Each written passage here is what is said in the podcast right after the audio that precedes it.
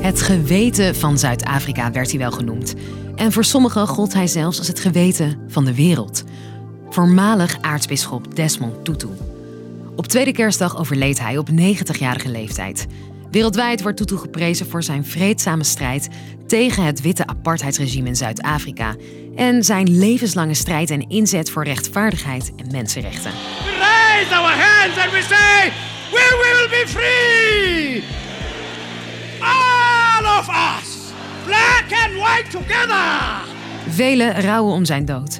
Van de Dalai Lama tot Barack Obama en van de paus tot de secretaris-generaal van de Verenigde Naties.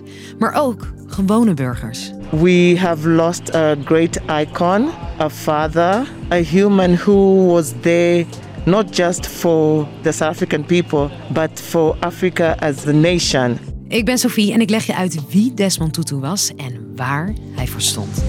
Lang verhaal kort. Een podcast van NOS op 3 en 3FM.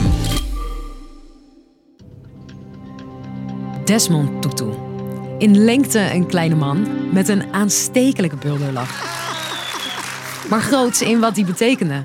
Hij was het symbool voor de verzoening tussen de witte en zwarte bevolking van Zuid-Afrika. Tutu's dood maakte ook een diepe indruk in Zuid-Afrika en ver voorbij haar landsgrenzen. I feel very, very, very down emotionally right now. Very sad. It was a real shock to us. He's been He a, was a great man. yes, somebody to look up to.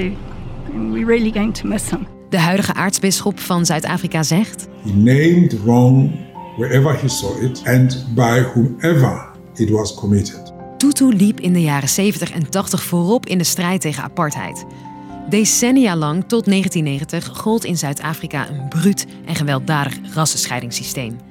De zwarte bevolking werd onderdrukt en gediscrimineerd en witte en zwarte mensen moesten gedwongen apart van elkaar leven.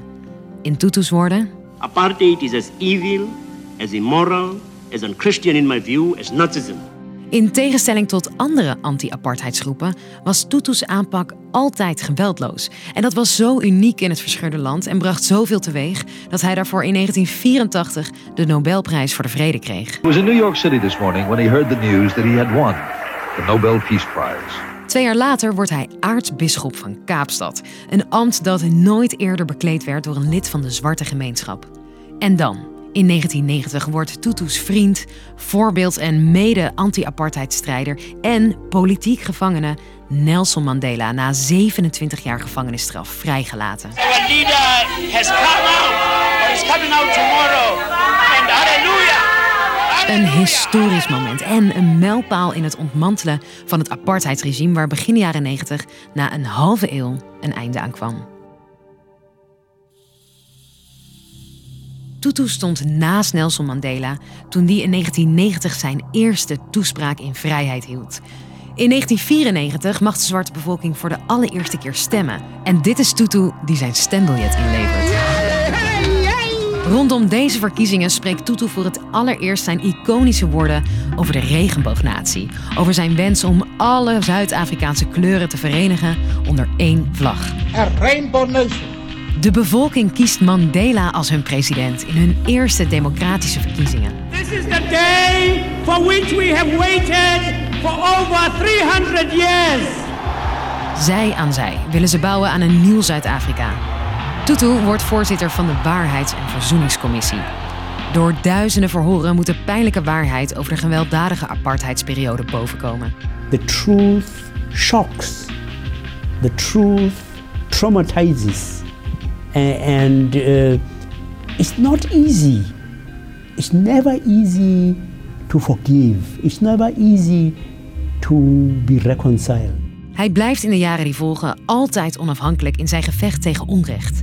Velen zien hem als moreel kompas, omdat oude vrienden en bondgenoten het ook geregeld moeten ontgelden. Zoals voormalig president van Zuid-Afrika Mbeki, maar ook het ANC, de partij van Mandela en zijn eigen kerk. De kerk vond het namelijk niet zo fijn dat Tutu zich ook sterk maakte voor de rechten van LHBTQ-plussers en het homohuwelijk.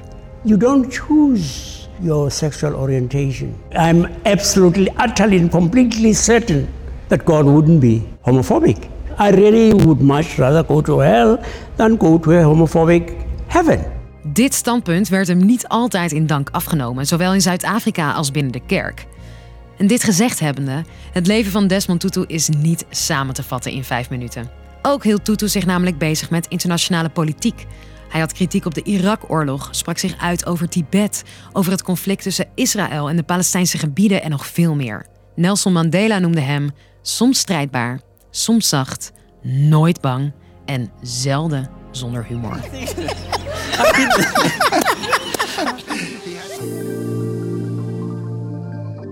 Dus, een lang verhaal kort. Met het overlijden van Desmond Tutu verliest de wereld een onvermoeibare voorvechter voor gelijkheid. Zijn doel was elk mens, waar dan ook ter wereld, in vrijheid te kunnen laten leven. Dat heeft hij misschien niet helemaal bereikt, maar doordat hij er was, is dat doel wel een heel stuk dichterbij gekomen. Morgen zijn we er weer rond de klok van vijf met een nieuwe lang verhaal kort. Bedankt voor het luisteren en tot morgen.